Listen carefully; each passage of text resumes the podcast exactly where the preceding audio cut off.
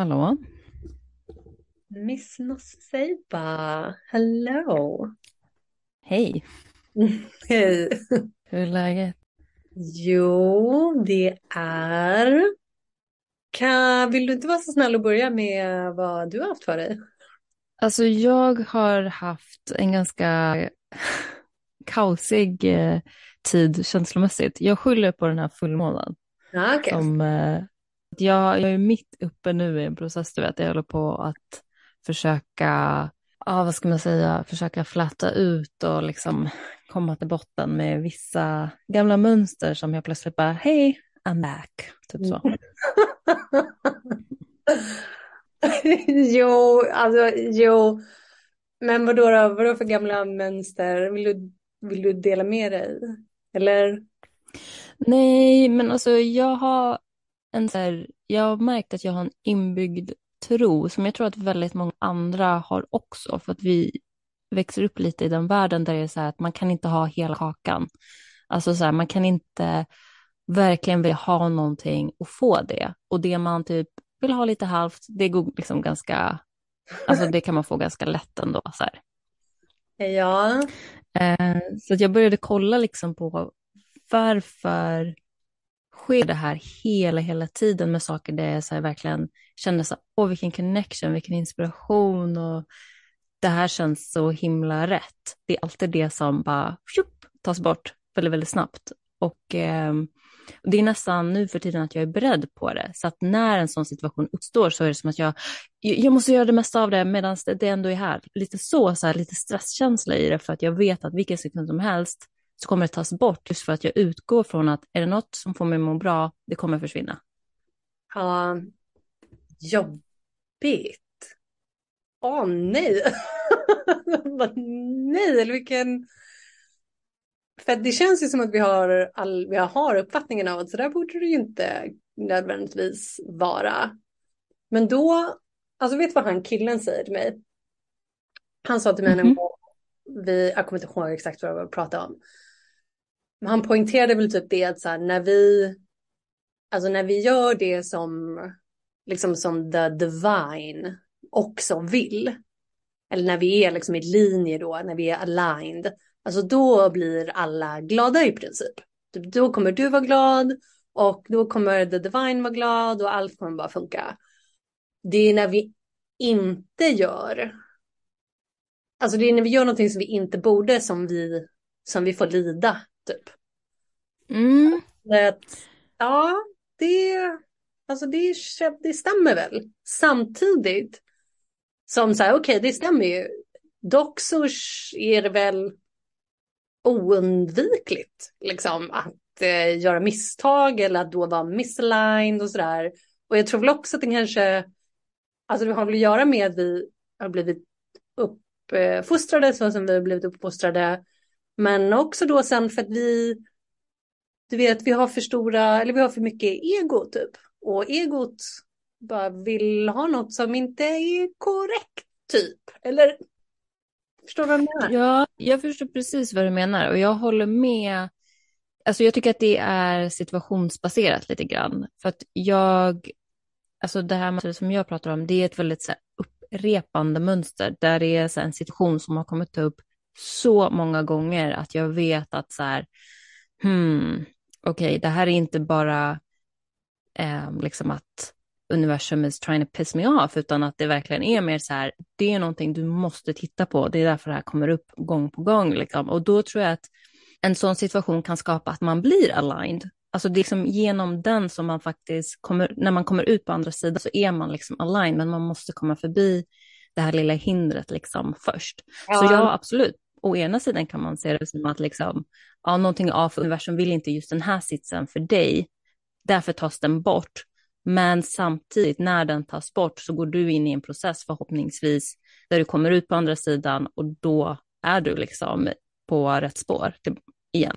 Ja, jo men jag förstår också att alltså, din situation nu är nog inte, du är nog inte riktigt så här att det stämmer in på, på det den här killen sa och det samtalet och sådär.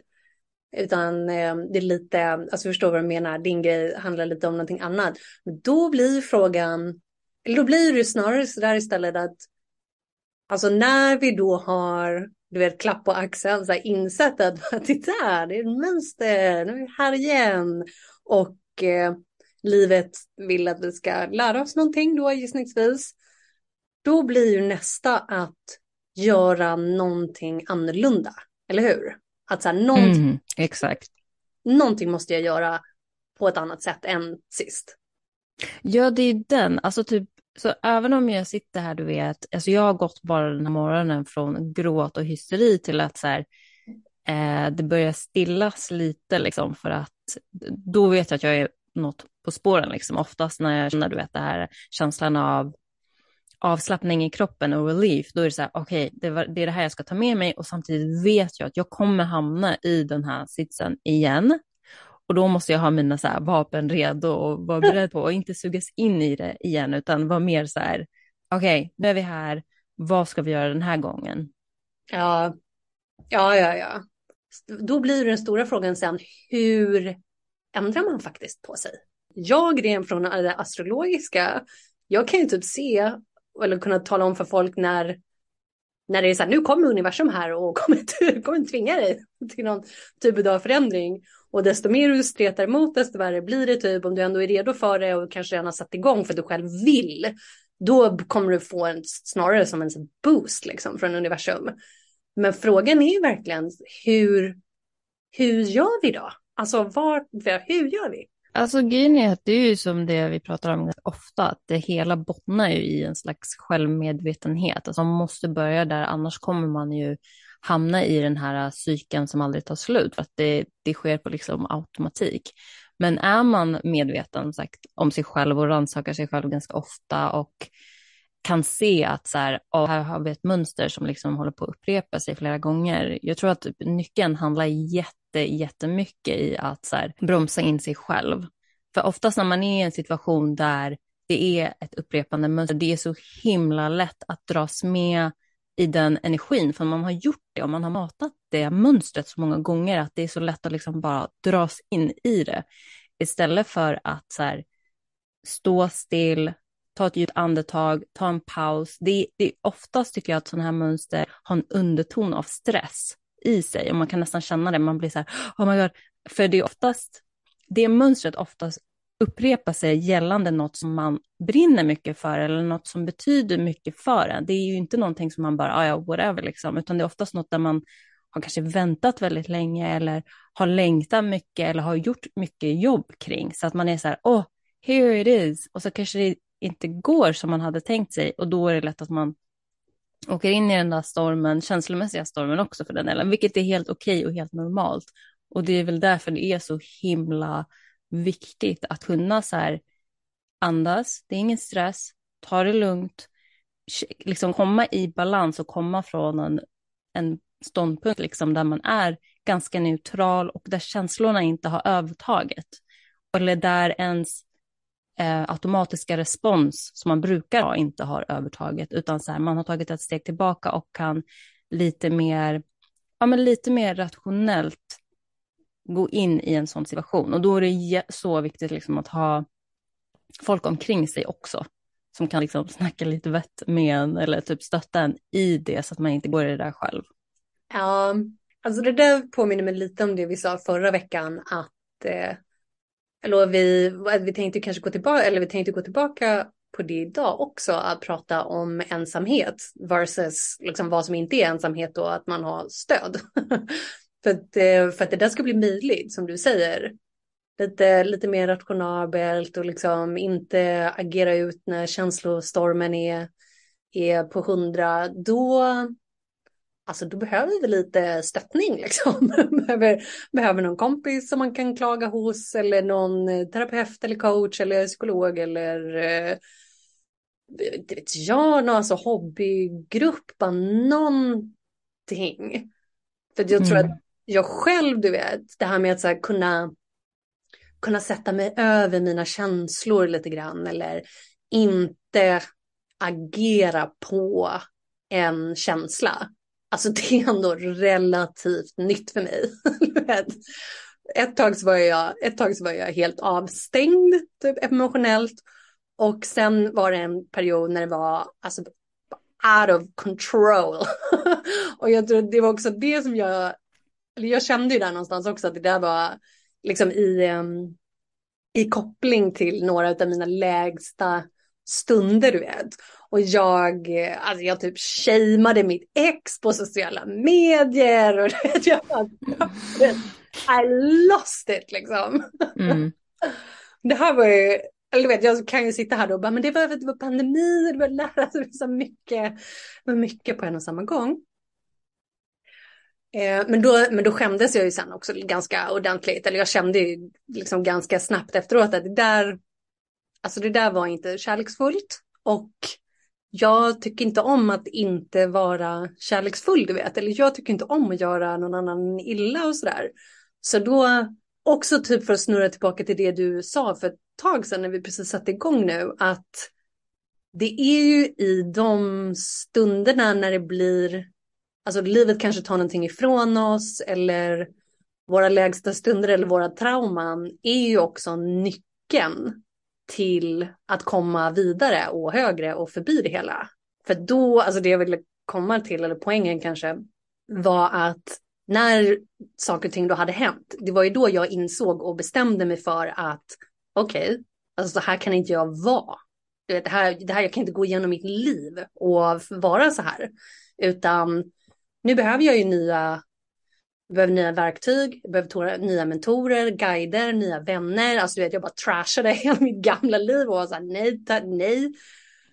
Och nu enligt min senaste energetic frequency analysis så har jag alltså precis gått förbi hela den, eller det stadiet på 350 om man utgår från David Hawkins skala av medvetande har jag gått förbi frekvensen 350 som alltså handlar om eh, att eh, ta sig förbi eh, känslorna i princip. Inte att inte känna någonting men komma vidare. Nu har jag pratat många minuter känns det som. Ja, nej men alltså jag tänker så här att det blir ju oftast resultatet av att man liksom tar sig igenom vissa saker och att man lär sig från där man står. För oftast handlar det ju inte bara om så här, mig som individ, utan så här, det kan ju vara hela min omgivning också. Eller typ så att man måste göra, alltså att göra stora förändringar inom sig själv innebär ju oftast automatiskt att man gör förändringar i sitt liv överlag. Så att då, då blir det ju automatiskt en upgrade liksom. Så jag blir inte alls förvånad att du liksom skuttade upp på den där eh, skalan. Men sen tycker jag det är jätteintressant det du säger om det här med att du liksom lashed out så här, känslomässigt. För att jag hade också en fas för ganska många år sedan nu där jag gick från att vara väldigt tyst, väldigt mycket the cool girl, väldigt mycket så här, jag har inga gränser, jag vill. Men sen gick jag över till en fas där jag skojar inte, jag skrev till varenda douchebag jag hade träffat i mitt liv, ganska nasty meddelanden. ja. Det var sån befrielse, även om jag skämdes dagen efter och var lite så här, okej, okay, men det gick liksom inte att stoppa och jag kände ju det själv, liksom att så här, jag måste få ut det här. Ja, alltså det, det gick inte att stoppa, alltså det var, det var tvunget att komma ut. Och jag inser ju såklart också att du vet, det är här någonstans där det blir, där det blir, där det blir knasigt. Man är så här, oh, wow, jag borde egentligen bara vara typ tacksam liksom till mitt ex för att han fick allt det här att bubbla upp i mig så att jag kunde få ur det. För det kom ju inte från början från honom utan det är ju någonting som hände i barndomen och i tonåren och som man liksom inte kunde processa då. Och så hade det bara suttit in, liksom fast i mig ända sedan dess och sen till slut så har det ju byggt på så mycket att det var tvunget att komma ut och katalysatorn bland annat då var situationen med mitt ex. Och då i slutändan, eller du vet när jag kommer tillbaka till mitt riktiga jag, då är jag så här, åh, åh, du vet, åh vad tacksam jag är för mitt ex, då vill jag älska honom och stackars, stackars han typ, eller wow vilken modig själ liksom som, som skulle vara den som hjälpte mig med, med det här liksom, woo, woohoo. Ja men vi är ju människor också. Alltså jag tänker att det tillhör att ja, men att få vara mänsklig och inte ha det här liksom... Alltså det är ju jättebra när man kommer till en plats där man känner kärlek och tacksamhet för ens erfarenhet. Men jag tycker man ska vara snäll mot sig själv också. Att så här, vi går igenom det här, det är inte lätt att vara människa. Så vi får ge oss själva liksom breaks. Det är sant. Kul det du säger, eller som vi pratar om, att det till slut så behöver vi vara tvungen och få ur sig de här sakerna. För det här är också som vi säger, det är en, en av faktorerna som ändå måste hända för att vi ska kunna komma vidare på den här skalan då så att säga, eller om man bara pratar läkningsprocessen. Att vi mm. måste tillåta oss själva att känna ilska, du vet. Ja. Ilska att vara arg, det där är ju liksom inte acceptabelt. Typ. Eller vet, vi, och speciellt kanske inte för kvinnor heller ska vi ju inte liksom uttrycka att vi är arga eller så vidare. Men det där är liksom på en viss nivå av skalan. Om vi pratar Dr. David Hawkins som jag gillar att referera till. Då är det, det är alltså på frekvensen av 200. Så det är precis typ när vi slänger av oss offerkoftan liksom och börjar ta kontrollen över vårt liv. Där någonstans, eller för att vi ska kunna komma till den punkten och också komma vidare därifrån till högre nivåer, så måste ilska och vrede, det måste få, få, uttryckas liksom. Och då måste man inte nödvändigtvis göra som du och jag säger, va? Att mm. ilskan ska uttryckas till de personerna som liksom triggade den eller som kanske liksom har gjort sig förtjänt av den. Utan man kan, det går att processa de där grejerna på an, andra vägar. Liksom. Man, kan skriva, man kan skriva brev och uttrycka sina känslor eller du vet gå på kampsport, typ whatever. Men eh, ja, sen kan man göra som vi gjorde också. Ja, så vissa förtjänar ju faktiskt sådana meddelanden kan jag tycka. Ja, jag... Men jag tycker det är intressant att du nämner just ilska, för jag tror att absolut att vi har ju lärt oss socialt liksom att kanske inte ska uttrycka det så mycket och det är inte så fint och det blir lite så här obekväm stämning och även inom spirituella kretsar, det är ju väldigt inte zen att vara arg liksom. Men det måste ut, eller det måste processas på något hälsosamt sätt som inte, liksom, som du säger, som inte skadar en annan. Annars kommer man inte högre upp i sig själv. Ja, visst. Det är ju den. Och sen är det ju lite intressant också att poängtera, för att eller som du säger, att så här, vissa förtjänar ju typ att få höra saker och ting. Och jag, en del av mig känner så här, nej men alltså vi måste processa de här grejerna liksom utan att rikta det mot någon och så här, nej, nej, nej. Sen blir jag ändå påmind om att om vi typ lärsar ut då på någon som vi tycker förtjänar det eller som har gjort oss någonting orätt och så där. Om det är så att de känner sig träffade, då är det ju för att de liksom vet med sig på någonstans inom sig själva att så här, det de gjorde var faktiskt fel. Och om de då blir så här träffade eller triggade, då bara okej, okay, men kolla, du har någonting att liksom förbättra i dig själv eller kanske be om ursäkt för eller så vidare. Men om de verkligen inte gör det, med undantaget för att det kanske är liksom ett psykopat, så är det ju ändå all good då. Alltså så här, du har fått ut det dit, jag har fått ut med mitt och de tog det inte personligt. Så att, mm.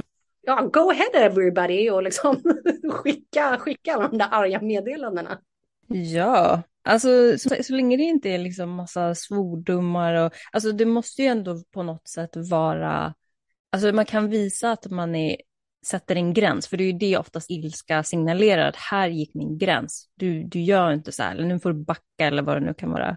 Just det. Eh, men så länge man gör det på ett så här hyfsat sätt, absolut, uttryck det. Jag tycker man ska göra det och öva sig. Jag tror att många är väldigt ovana att göra det och jag tror att det var det, därför jag fick sån, alltså så här, det, det var tvunget att komma ut på det sättet och med så många, för att det känns som att jag, jag hade aldrig gjort det i mitt liv tidigare och så, så bara blir man pushad till en punkt där så här, nej nu räcker det och nu ska alla veta som har haft med det här att göra, ska veta att det räcker.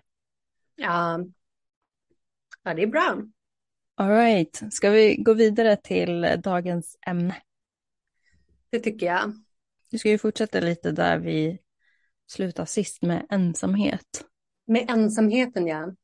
Och då var ju våran idé att eh, skulle kunna hinna förbereda oss ordentligt för att trycka på vissa speciella punkter och sådär. Men nu har jag också haft lite att dela med, så jag har inte gjort det. även fast det skulle... Nej, jag förstår. Ja, även fast det kanske skulle ha varit proffsigt så gjorde inte jag det. Utan... Men du, vill du prata om vad du har dealat med? Och då kan jag säga på temat, eller alltså, för det jag har dealat med, det fick mig att känna mig en sekund här väldigt ensam tills jag liksom flippade på det. Och så kom jag ju också på det vi pratar om, att det är fullmåne just nu. Den här fullmånen, den är alltså i konjunktion, eller den är du vet, högst färgad av Chiron. Har du hört talas om Chiron? Men utan att gå in så mycket på det, så den här Chiron ska alltså peka på eh, det vi har pratat lite om. Eh, det, Chiron är våra djupaste sår. Men det är också samma ställe där vi hittar nyckeln till läkningsprocessen eller vårat typ breakthrough. Liksom. Och jag tror att det är därför vi också många gånger, du vet det sägs att våra största svagheter är också våra största eh, möjlighet eller potential. Eller det är där vi också kan vara som starkast för att vi ut, ut under livets gång antagligen lägger mycket fokus på det. Eller vi blir så illa tvungna att lägga mycket fokus på det. Just det, och fullmånen just nu alltså är med Chiron. Så att både individuellt och för kollektivet ser det lite läge och bara what's, what's coming up? ja, det är så alltså. Mm. Mm, det förklarar väldigt mycket för att jag var så här, jag har inte PMS. Så här är jag när jag har PMS, det är någonting, det är något annat liksom. Ja. Så på, på temat eh, ensamhet eller sådär då, för jag har gått och tänkt lite på det i veckan. Och då har jag hela tiden kommit tillbaka till att Även fast det finns mycket att säga då att på att eh, vet, vi ska vårda våra relationer och liksom, eh, ha folk i det fysiska. Så mm,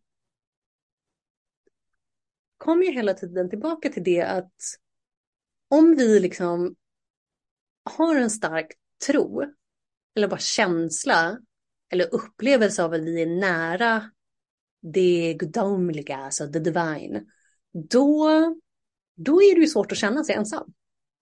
Ja, alltså gud, jag håller helt med. Jag tror att det är nästan eh, nummer ett. Att ha en liksom, egen uppkoppling liksom, i första hand.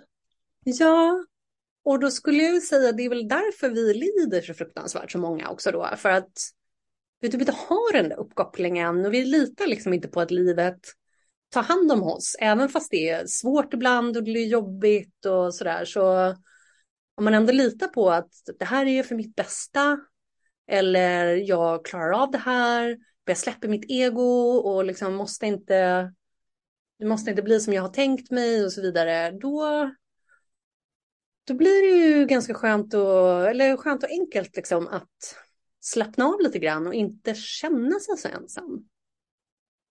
Ja, alltså jag tror ju att det där bottnar jättemycket i inte bara tillit, men ens förmåga att kunna ge upp. Alltså typ, jag känner att jag har lärt mig jättemycket i mitt liv att så här, det är ingen idé att streta emot livet. Alltså det, du slösar på din energi. Det är mycket bättre att bara, jag har inte kontroll i den här situationen och bara släpp taget. 100 procent. Och det var också det som är högst feminint eller så du vet, det har den feminina principen och energin till att bara surrender som det så fint heter. Surrender. Mm. Jag försökte komma på vad är det svenska ordet för surrender, för det är inte samma klang som ge upp. Ge upp låter ju mer som att man, det, det klingar liksom mer negativt tycker jag. Jag vet inte hur man säger surrender på svenska. Jag håller med. För att ge upp, precis, det är inte samma sak ge med sig är närmare men känns inte riktigt helt rätt. Kapitulera, står det. Ja, så säger man ju ja. på, på det språket. men mm. ja, det är, alltså, det är ändå kanske så nära, så nära vi kommer. Att eh, kapitulera. kapitulera, ja. att du har inte, alltså du har inte kontrollen över ditt liv. Du bara har inte det. Nej, det, det är så svårt. Jag kan förstå att det är svårt för många att släppa kontrollen för att vi lever i en sån värld där man ska kontrollera minsta lilla och man tror hela tiden att man vet bättre, liksom. man vet bäst. Så att det tar ju verkligen tid, eller jag har ju fått så här, verkligen öva i, eller om jag ska vara helt ärlig, jag har ju utmattat mig själv i att försöka ha kontroll. ja, men du har ju ett par planeter i skorpionens tecken. De, de blir ofta så illa tvungna att eh, gå igenom de här processerna av liksom kontrollera, kontrollera sig själva, andra, sin omgivning eller ha svårt att släppa på kontrollen och sådär. Och det tror jag är för att det som, ehm, precis som kräftan och fisken så är det ett vattentecken. Så det är högst feminint och det är också därför högst sårbart. Och då är vi tillbaka på den, på den olyckliga sanningen att det har inte varit speciellt säkert. Liksom. Det har inte varit speciellt säkert för människor eller för kvinnor att ens finnas till typ. Eller att, ja, men att vara sårbara och feminina och därför så har vi gått och blivit maskulina istället. Precis. Alltså man, man känner ju verkligen hur det, det krävs en ansträngning att faktiskt kunna så här kapitulera och ha tillit till att ja, men det finns alltid något där för att stötta en eller det finns en fallskärm. Liksom. Det är så lätt att man är på sin gard liksom och hela tiden tänker på plan B och vad, vad gör vi om det händer? Det i och för sig, det känns också väldigt så här svenskt, så här, allt är jätteutplanerat och på minuten och på sekunden, alltså så här, det är inte så mycket flow i samhället, vilket också har sina positiva fördelar, absolut, men jag tror att det är det som gör att det är ännu svårare i den här delen av världen att bara så här släppa taget, i alla fall lite så här då och då, och inte bara fyra veckor när man har semestern, that's it, resten av året är liksom högst maskulint och i kontroll. Ja. Alltså det där är så lustigt för att jag kan ju knappt snart relatera till det där längre. Även fast jag levde, vet jag jobbade som kock när jag var yngre på heltid. Och var så superstressad och bara gjorde, gjorde saker och ting typ som vanligt. Fast jag var väl kanske lite extra liksom ohälsosam eller du vet osund typ. Du vet jag, jag festade mycket, rökte cigaretter och sådär och var liksom ganska generellt ganska lost. Men sen började jag mina äventyr och jag var väldigt eh, uppfinningsrik med pengar och resurser och sådär. Så att jag kommer ju knappt ihåg eller har inte riktigt heller upplevt så ett långt vuxenliv när det bara är fyra, fem veckor semester och annars är det det här supervardagslivet. Ja, men jag håller med. Alltså det, det, och det tar även, alltså det är samma sak för mig och jag kommer ju aldrig kunna gå tillbaka till det igen. Liksom. Men eh, det tar sin tid och även när jag haft längre perioder, alltså i början där jag inte jobbade liksom traditionellt och försökte tvinga mig själv att vara liksom mer feminin för att jag visste att teoretiskt sett vet jag att det här kommer gynna mig. Liksom. Ja. Men det tar tid att bli bekväm i det, att, att, att verkligen känna alla fördelar med det. Att så här, man har mer lugn i sig själv, man har mer harmoni liksom, än när man går runt och typ är stressad och spänner sig hela tiden. Ja, ja, ja, ja. Jag håller med att det tar tid, för då är vi inne på det igen, den där tilliten. Att man kan lita på att det finns en fallskärm där och det tar sig tid. Eller typ för mig också, innan jag insåg att så här, men hej, alltså this is gonna work out, typ. Eller du vet, det är inte som att jag så passivt kommer bara se på medan livet rullar förbi och liksom inte lyfta ett finger. Men eh, det där andra alternativet, det, är inte, det måste inte vara så liksom. Och det fick mig, det har jag tänkt på sen förra veckan när vi pratade också. För då sa du att du började, alltså, du började känna dig ganska ensam för att alla andra skulle gå och få sprutor. Mm. Och då tänkte jag också på det, alltså, det är ju självklart, eller liksom fullt förståeligt liksom. Men då slog det mig också hur pass mycket jag, alltså jag kopplade ju typ ifrån mig, eller kopplade bort. Jag var ju så här från, alltså från dag ett, jag var bara så här, nej. Tvär nej. Och sen vägrade jag ju typ komma hem till Sverige igen under hela pandemin och Alltså jag, vissa gånger på gränsfall liksom levde lite i min fantasivärld och bara jag tänker inte, tänker inte bry mig om det där typ. Och jag, och jag bodde ju så avlägset och sådär så jag märkte ju typ inte av det som hände. Eller du vet, det var så ute på vischan, alltså jag var väl inte, ja det märktes, eller okej att de tvingade oss att ha maskade och sådär hela tiden, men jag var ju mest på hemma, gick ner på playan, sådär.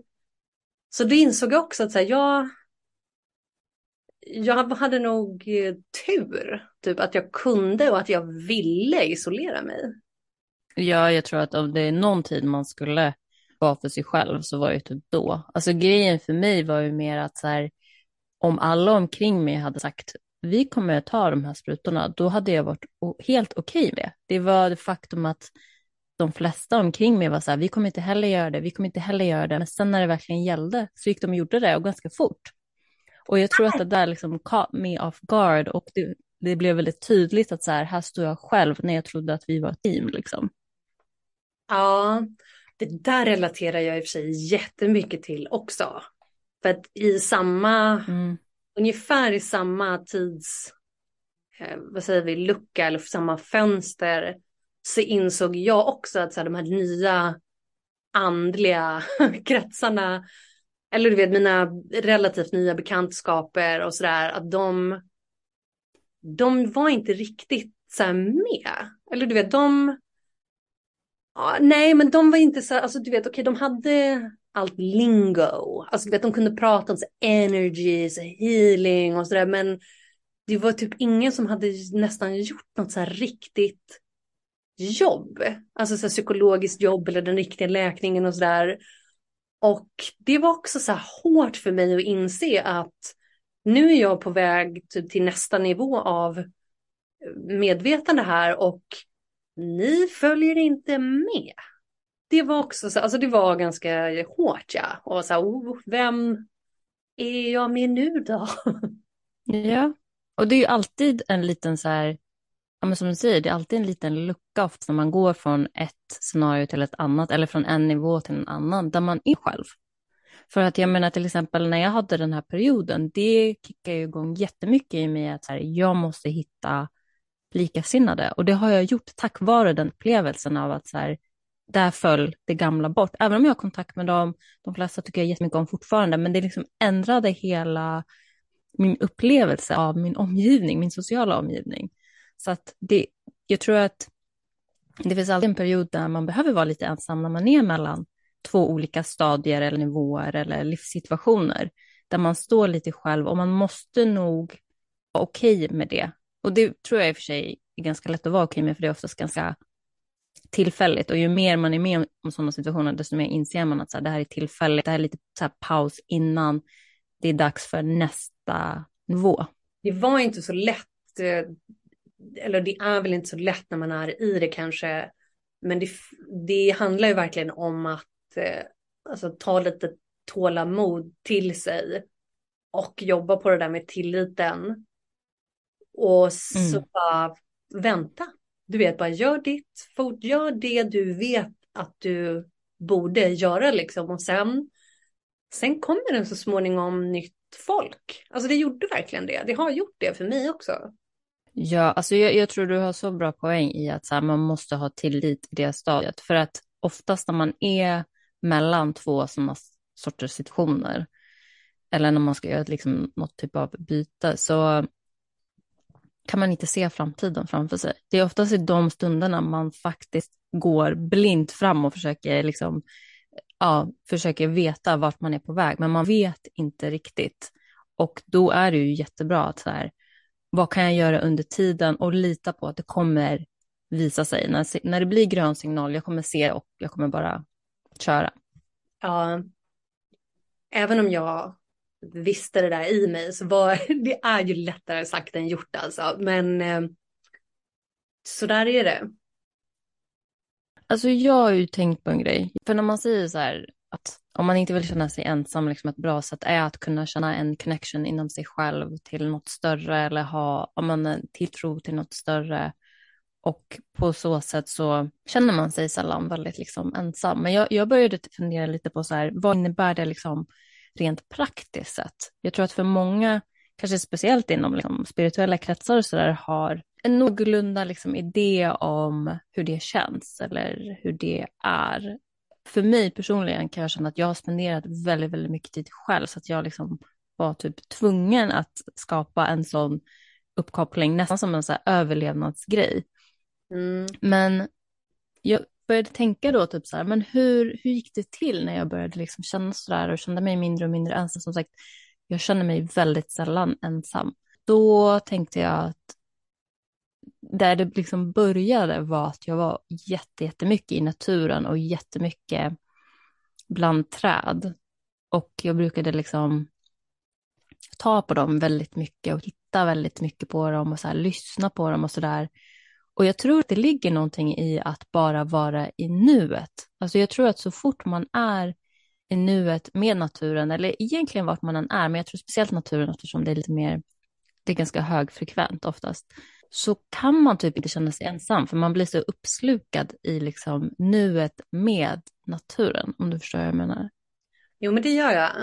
Och det är precis som du säger att alltså, ute i naturen och med jorden och sådär, plantor eller växtriket och så här, alltså de vibrerar ju mycket högre än liksom, de allra flesta människor. Så att det blir naturligt att det liksom känns bra att vara med dem. För att vi själva får tappa in liksom, på de där högre frekvenserna.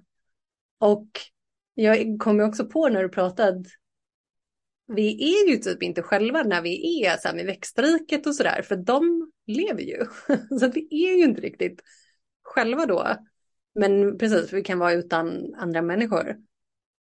Att vara i nuet, det är precis som du säger. Alltså för att om vi är, om vi är i framtiden eller i det förflutna, apropå att vi pratade om kontroll tidigare idag, så är det ju liksom bara i nuet vi kan kontrollera någonting. Du, vet, du kan kontrollera om du ska sträcka dig, sträcka ut handen och ta på det där bladet eller om du ska andas eller inte typ, eller till viss gräns.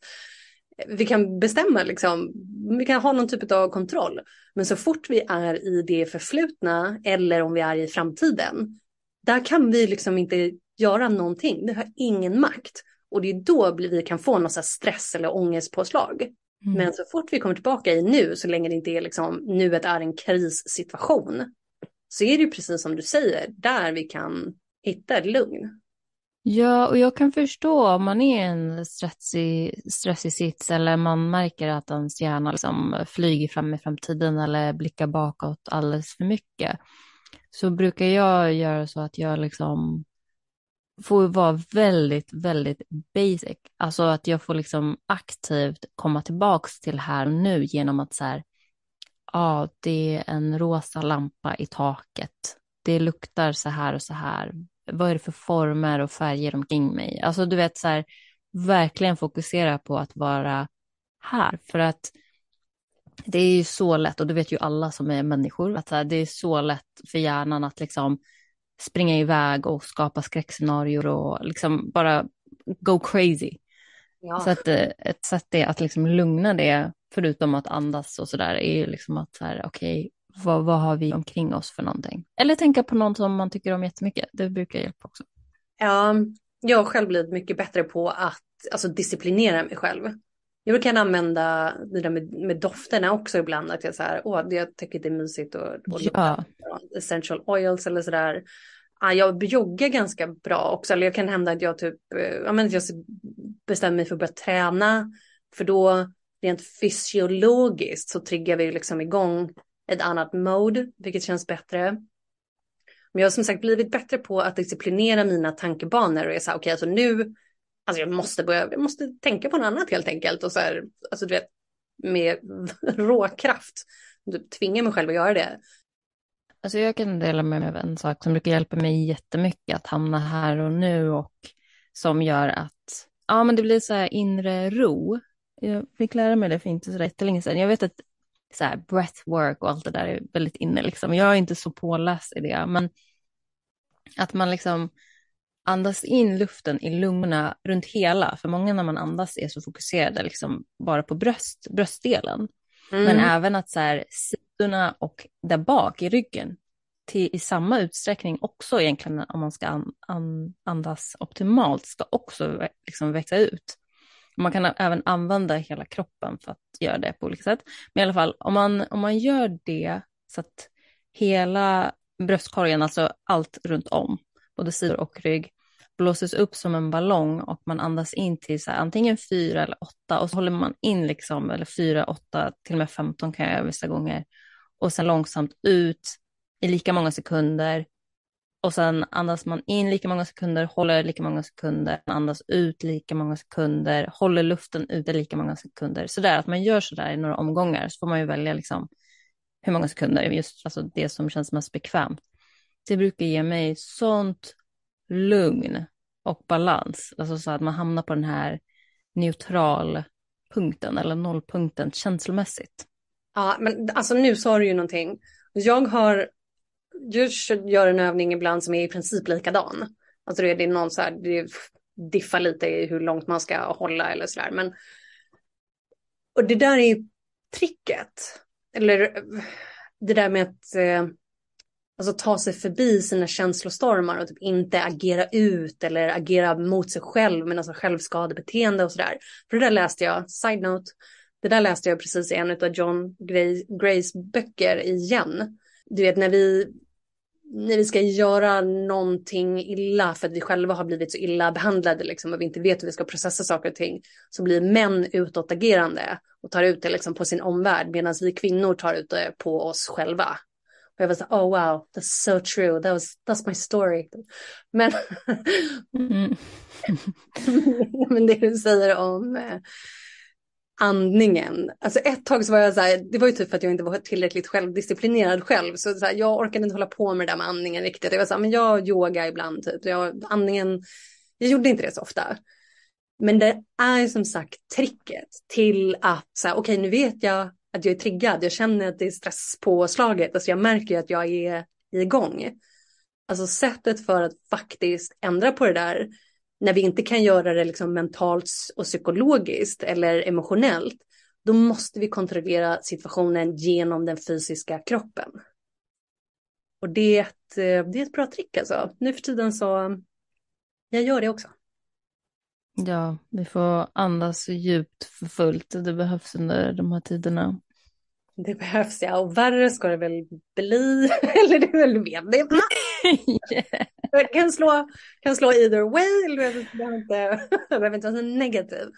Men jag tänkte säga det att nu är det ju apropå också att vår process eller evolutionen och det här med att så här, åh, samma mönster men nu ska jag lyckas göra någonting lite annorlunda eller du vet, komma vidare och sådär.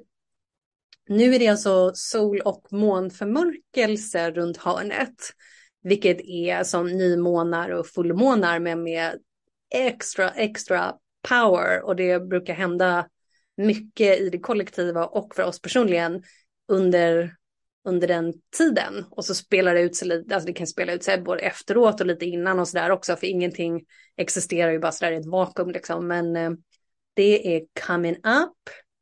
Så det ska ju bli eh, spännande att se.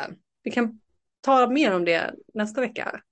Ja, för jag tycker det låter jätteintressant om man då kan veta, eller så här, om du då kan dela med dig liksom lite av hur man vet typ. För jag gissar att det har något med de här husen att göra, där. så typ vad man ska titta på, vad det typ kan gälla eller så där. Du kanske kan ge lite ledtrådar. Korrekt, vi, vi gör det, 100 procent. Det är ganska enkelt mm. att vi ska, alltså vi ska lokalisera vilket område av livet i princip som blir, eh, blir eh, vad säger man, aktiverat av fullmån, nymån, solförmörkelse och månförmörkelsen. Okej, okay, men vad bra. On that note, ska vi ta och börja avrunda? Ja, vi avrundar sådär bara. Tack. Ja,